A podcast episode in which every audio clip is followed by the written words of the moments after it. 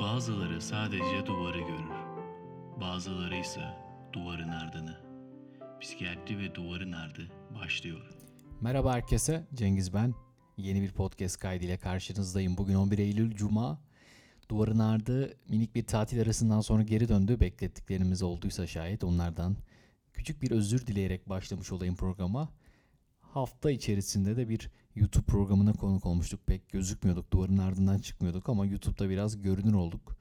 Gelecek Bilimde sayfasında herhalde onun da videosunu izleyebilirsiniz. Duvarın Ardı Pod Instagram sayfasında bugün yapacağım podcast'in adını yazmıştım zaten. Psikiyatrinin Çıkmazı adı altında bir podcast yapacağımı söylemiştim. Bu çıkmaz demişken zaten bu Duvarın Ardı isminin de geldiği yer biraz o çıkmazlardan açıkçası. Psikiyatri her zaman tartışmalı bir tıp disipliniydi. Ben de bu tartışmaların biraz içine girerek bu podcast serisini başlatmıştım. Tartışmalı olması bazen insanı zorlasa da yani bu mesleği yaparken bazen de bu işin keyifli tarafı diye de ben kendimi belki de avutuyorum. Yunanca psike ve iatros kelimelerinin birleşmesinden oluşuyor psikiyatri. Psike kelimesinin anlamı çok uzun derin pek çok şey var aslında ama kabaca ruh ve düşünce diyebiliriz. Daha az tartışma olan tarafsa iatros kökü. Hani pediatri, geriatri, psikiyatri bunlar hep aynı kökten geliyor. Bu iatros işte doktorluk veya tedavi edici anlamında kullanılan bir e, kelime. Psikiyatri terimini de sanmayın ki çok uzun yıllardır var. 1808 yılında Christian Rale, Johann Christian Rale ortaya atıyor ve düşünce üzerine odaklanmış insanların ruhsal problemlerini önleme ve tedavi etme amacı üzerine çalışan bir tıp disiplini olarak tarif ediyor. Şimdi hep sorulur bu psikiyatristle psikoloğun farkı ne, psikiyatri psikolojinin farkı ne gibisinden. Yani bu soru tabii e, keşke hep sorulmasa ama kısaca burada da hani o çıkmaza girmeden önce değinmiş olayım. Psikolojiden farkı çok kabaca zaten hani o logos ve iatros köklerinin farkı. Yani ikisinin de başı belki evet psike ama sonları farklı. Logos bilim anlamında hani tekrar kullanıldığını ben onu söylemiş olayım. Onu zaten hani çok duymuşuzdur işte sosyoloji, antropoloji. O logosun o geldiği yer orası. Tabi logosun pek çok anlamı var. Kelime anlamında da, sözcük anlamında da kullanım var. Mantık anlamında da kullanım var. O da yine e, bu kelimenin çok fazla anlamı olduğunu tekrar hatırlatmış olayım.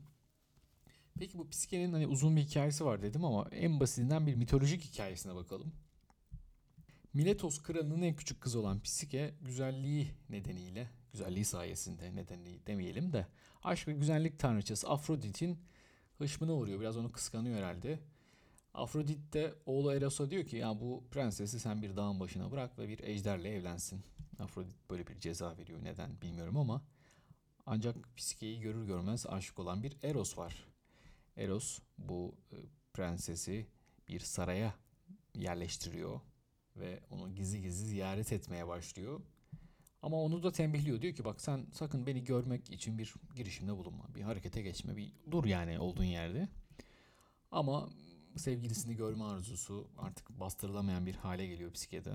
Ve bir gece böyle işte yağ kandiliyle beraber sevgilisinin yüzüne bakarken Onda onun yakışıklılığından etkileniyor ve tam onu öpmek üzereyken o kandildeki kızgın yağ hop Eros'un üstüne dökülüyor. Eros'un omzunu yakıyor ve akabinde uyanan Eros kanatlanarak oradan uzaklaşıyor. Afrodit de o kadar kötü birisi değil herhalde. Merhamete geliyor. İki sevgilinin kavuşması için bir takım da şartlar koyuyor psikeye. İşte bazı zorluklar çıkarıyor ama onları da aşarsan Eros'la beraber olabilirsin diye söylüyor. Ee, yani işte ruhla ilgili bir zorlukla ilgili bir anlamı da var herhalde oradan e, bir e, türeyerek bu zamana kadar gelmiş. Şimdi işte bu ruh demişken yani bu ruhla bir e, madde ayrımına bakalım. Zaten bu felsefenin de çok tartıştığı bir konu.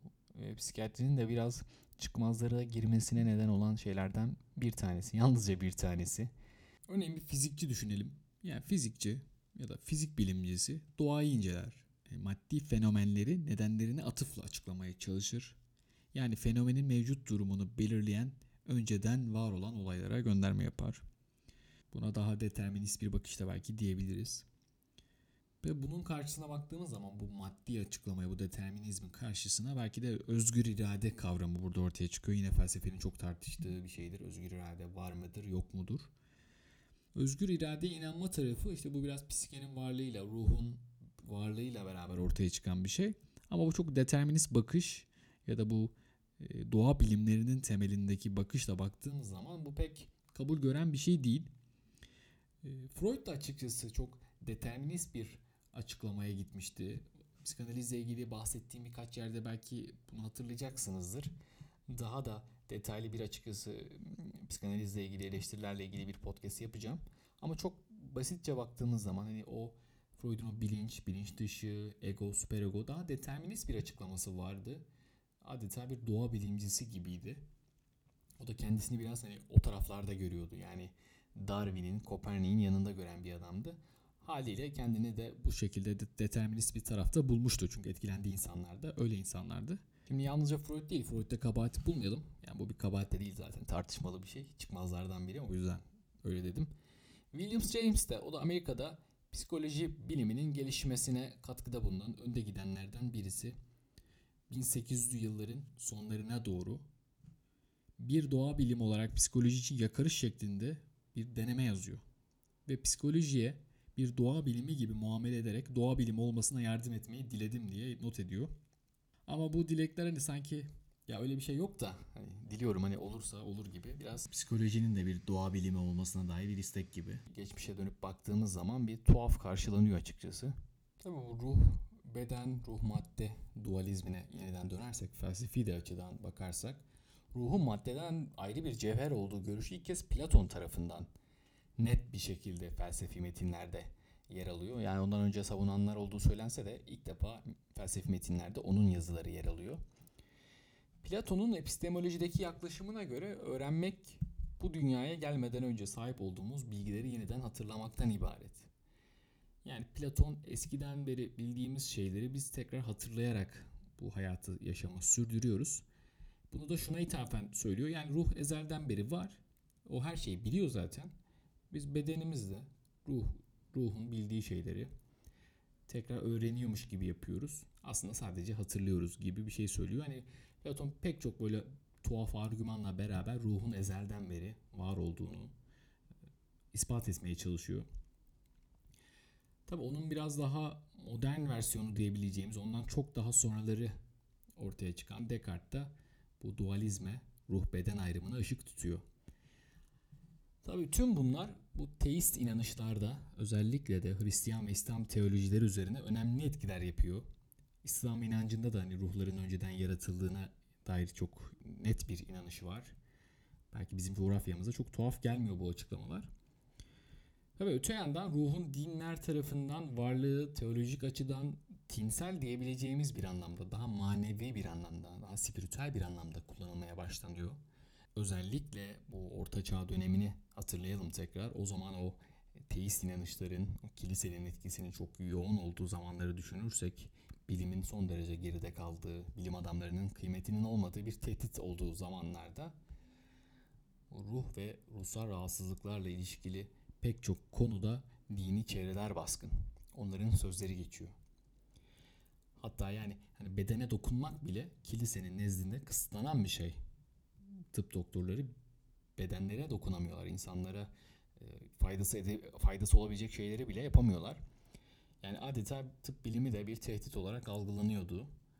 Orta çağ skolastik düşüncesinin zamanla gerilemesi, daha modernist ve reformcu hareketlerin ortaya çıkması beraberinde tuhaf bir şey getirdi.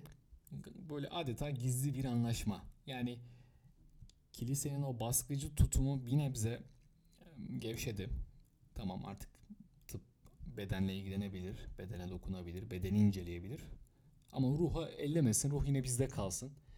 Hani biz bu dualizmi, e, madem dualizm var burada biz bunu paylaşalım. Beden sizin olsun, ruh tekrar kilisenin tek elinde olsun diye. Şimdi tüm bunların üzerine ruhsal rahatsızlıklar dediğimiz bir bilim e, bilim demeyelim bir tıp disiplini düşünün psikiyatri nasıl ilgilenebilir, nasıl fayda edebilir insanlara. Bu da işte çıkmazlardan birisi en azından o zamanlar için. Yine burada işte hani engel e, çok büyük bir psikiyatrist e, Science'da yayınlanan biyopsikososyal modeli açıkladığı makalesinde de kilisenin bu tavrına yönelik bir takım eleştiriler, göndermeler yapıyor. Yani şöyle şeyler söylüyor. Kilise doktorların bedeni incelemelerine izin verirken yani ruhu incelemelerine, dokumalarına izin vermemekte ve bu net bir şekilde beden ruh dualizmini ortaya çıkarmakta az önce bahsettiğim gibi. Bu da belki de ortodoks psikiyatri yaklaşımının etkileriyle beraber yani daha geleneksel psikiyatri yaklaşımın etkileriyle beraber biyolojik psikiyatriye böyle bir ağırlık kazandırmakta ve psikiyatrinin o dinamik gelişimini engellemekteydi. Ve bu biyolojik psikiyatri de ne yazık ki fazlaca fazlaca indirgemeci olmaya başlamıştı. Yani bu biyopsikososyal modeli açıklayan bir adam bu modelin geliştirirken ki eleştirileri yani klasiktir bu aslında hani ruhsal rahatsızlıklara nasıl müdahale etmek lazım. Aslında bu diyabete bile aynı şekilde geçerli bir şey. Yani biyopsikososyal olarak müdahale etmek lazım. Öyle incelemek lazım. İşte bunun bir biyolojisi var. Bunun psikolojik etkileri var ve bunun sosyal çevreyle etkileşimi var. Ve dönüp baktığımız zaman Engel'in bu açıklamaları biyolojinin o indirgemeci tutumuna karşı biraz böyle tepkisel nitelikteydi. O çıkmazdan o biyolojik psikiyatri çıkmazından çıkarmaya yönelik bir takım eleştirilerdi. Aslında bu eleştirileri tek e, engel yapmamıştı. Yani engel daha yakın zamanda bir psikiyatrist ama 1800 yılların sonunda yine Emil Krepel'in psikiyatrinin çok önemli bir ismidir. Yani ayrı bir podcast'i kesinlikle hak eden bir isim. O da 1879'da Leipzig, Almanya'da ilk defa deneysel psikoloji laboratuvarını kuran Wilhelm Wundt'un yanında çalışmaya başlıyor ve Krepel'in en önemli hizmeti psikiyatri, biyolojik psikiyatrinin çıkmazından kurtarması oluyor. Ve şimdi bizim şizofreni dediğimiz o baba psikiyatrik rahatsızlığın ilk defa adını koyuyor. Dementia precox'un o tanımını yapıyor ve bugünkü modern psikiyatrideki hastalık sınıflandırması ile ilgili pek çok şeyin temelini o zamanlardan attığını söyleyebiliriz. Tabii Krapel'in o mücadelesi çok uzun izlemler ve çok özverili bir sürecin sonunda geldi. Onlara da değinmek belki de gerekir ilerleyen zamanlarda. Şimdi o zamanlardan bu zamana tekrar dönersek yani modern psikiyatri zamanlarına dönersek özellikle 20. yüzyılda iki tane önemli keşif var dikkat çekmek istediğim. Birincisi psikiyatrik hastalıkların 1940'lı yıllarda özellikle genetik bileşenine yönelik çalışmalar yapılıyor. Aile ve ikiz çalışmalarıyla özellikle Amerika ve Kuzey Avrupa ülkelerinde. Ve burada şizofreni ve bipolar rahatsızlığın genetik bileşenleri net bir şekilde ortaya koyuluyor. Bu psikiyatrinin biraz elini güçlendiriyor. Yani bir şeyin genetik temelini göstermek oldukça kıymetli. 1950'li yıllarda ise ilaç çalışmaları önem kazanıyor, artıyor. Tabii yani önem kazanıyor derken birkaçı zaten tesadüfen bulunan ilaçlar ama devam ediyor buna yönelik çalışmalar. 1950'de işte lityum, klorpromazin, haloperidol gibi ilaçlar bulunuyor ve 1963'te diazepamın keşfiyle o zamanın kendince bir psikofarmakoloji ayaklanması, yükselmesi meydana geliyor. Ama o hızlı yükseliş, o 10 senede böyle çok güçlü ilaçlar bulmanın neticesinde bugün baktığımızda aradan geçen 50, 60, 70 yılda hala o günden bugüne net bir ilaç, net bir yeni tedavi ortaya çıkmış değil. Bu da zaten yine bir çıkmaz. Yani bu ilaç, yeni ilaçlar niye gelişmiyor? İlaç sanayisi psikofarmakoloji anlamında ya da psikiyatri anlamında neden gelişmiyor? Bu da bir çıkmaz açıkçası. Bununla da ilgili pek çok eleştiri var. Yine şöyle bakabiliriz. Yani diyorlar ki işte bir ilaç antipsikotikse diyelim ki şizofren hastalarında kullanacağımız ya da bipolar hastada kullanacağımız bir ilaç mesela antipsikotik. Bu ilaç dopamin reseptörlerini, D2 reseptörünü bloke ederse antipsikotik olarak kabul ediliyor. Sonra insanlar hep buna yönelik çalışmalar yapıyor ve aslında bakıyoruz ki o reseptörü inhibe etmeden de antipsikotik etki yapılabiliyor.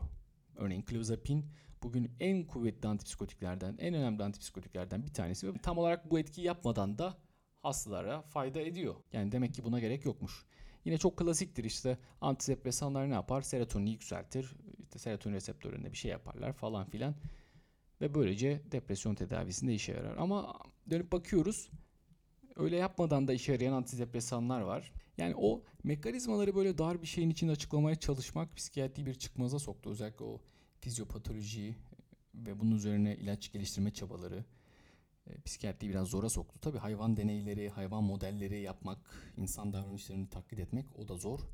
Bu da hani çıkmazlardan bir tanesi. Bir taraftan bakarsak hani ilaçlarla da ilgili aslında o ilk çıkış zamanından sonra bir ilgi azlığı olduğunu iddia edenler de var. Yani buna da açıkçası hak vermek mümkün. Çünkü genelde ilaç şirketleri çok daha kar getiren ilaç peşindeler. Psikiyatri ilaçları çok bunlardan değil açıkçası. Çünkü birincisi sosyoekonomik düzeyi düşük insanlar genelde ruhsal rahatsızlığa sahip insanlar ortalama olarak ele alırsak. Ve bu e, grubun zaten bu ilaçlara para verecek hali yok. Genelde devletlerin tekelinde yani devletlerin geri ödemesinde olan ilaçlar ve devletler de çok para vermiyorlar bu ilaçlara. Bu nedenle de hani onların da çok bir ilgisi yok açıkçası. Yani onlar da sonuçta ticaret yapıyorlar. Yani yani öyle e, gönülden yaptıkları bir iş değil. Hayır içinde yapmıyorlar. Onlara da bir şey demek pek mümkün değil. Tüm bunların yanına bir taraftan da bu nozoloji açısından bakarsak e, psikiyatrinin bu çıkmazlarından bir tanesi de belki de bu. Amerika'da St. Louis Üniversitesi'nde bir grup diyor ki yani bizim Amerika'da görülen psikoz ve şizofreni tanılarımızla Avrupa'da görülen tanılar arasında niye sayıca fark var? Neden aynı oranda bu tanıları koymuyoruz? Biz herhalde bir ortak dil yakalayamadık diyorlar ve kendilerince bugünün DSM dediğimiz şeyin çekirdeğini atıyorlar, oluşturuyorlar. Onlara belki işte bu az önce bahsettiğim Krapelin yani görüşten etkilendiklerini söyleyerek neokrepelinci psikiyatristler diyebiliriz.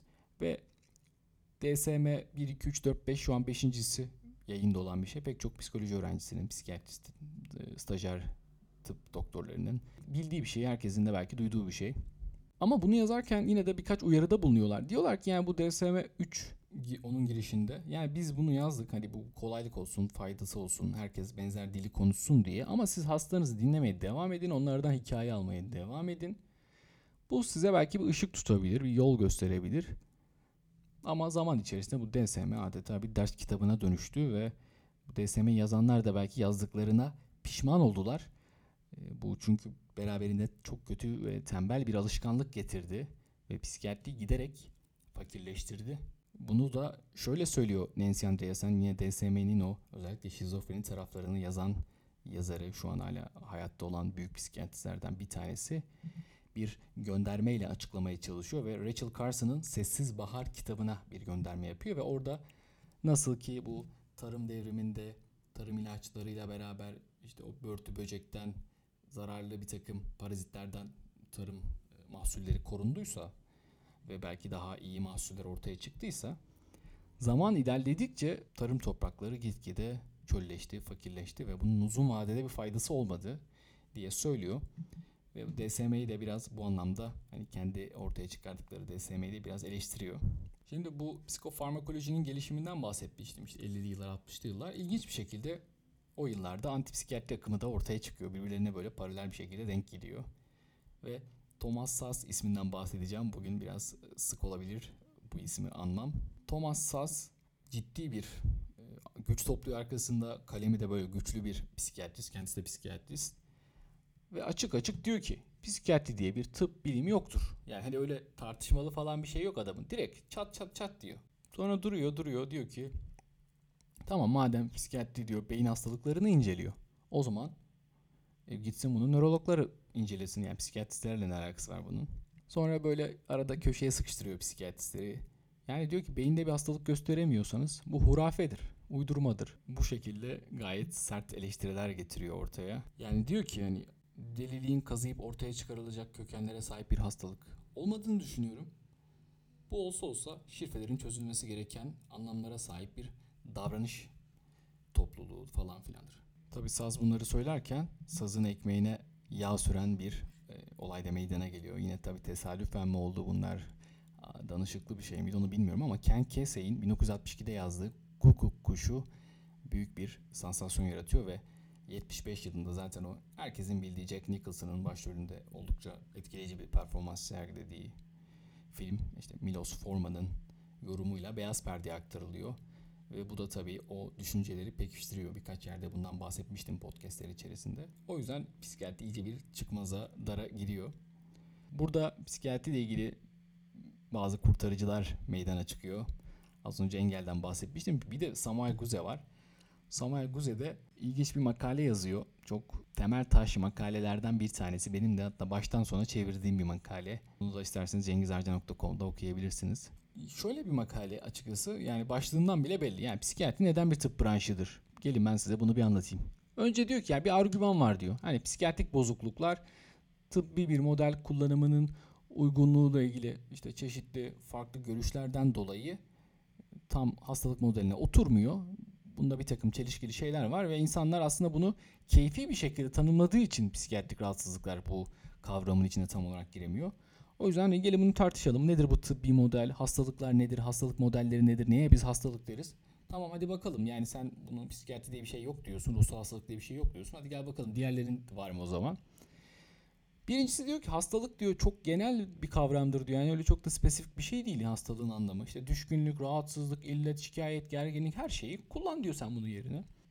Çoğu ders kitabına bakarsak da diyor hani hastalığı tanımlamaya çalışmaz. Çoğu doktor genelde bu kavrama çok ilgi göstermez. Direkt işte çözüme yönelik ya da onun e, sebeplerine yönelik bir takım açıklamalar yapar ve genel olarak da bu tanı ile ilgili meseleye daha sezgisel yaklaşırlar ve hani bu biraz belki de karmaşa yaratan şeylerden bir tanesi olur. Samuel Guzen'in verdiği ilginç bir örnek ise epilepsi hastalığı. Epilepsi ile ilgili ters köşe yatırdığını düşünüyor bu psikiyatri hastalık işte psikiyatri bir tıp branşı mıdır diyenleri. Mesela epilepsiye bakalım diyor. E, eskiden epilepsi hastalarının çoğunun işte akıl hastalığı olduğu, ruhsal rahatsızlığı olduğu düşünülürdü. Çoğu da bir tutarlı nöropatolojik bulgu saptanmazdı. Biz de buna işte tırnak içinde fonksiyonel bozukluklar derdik.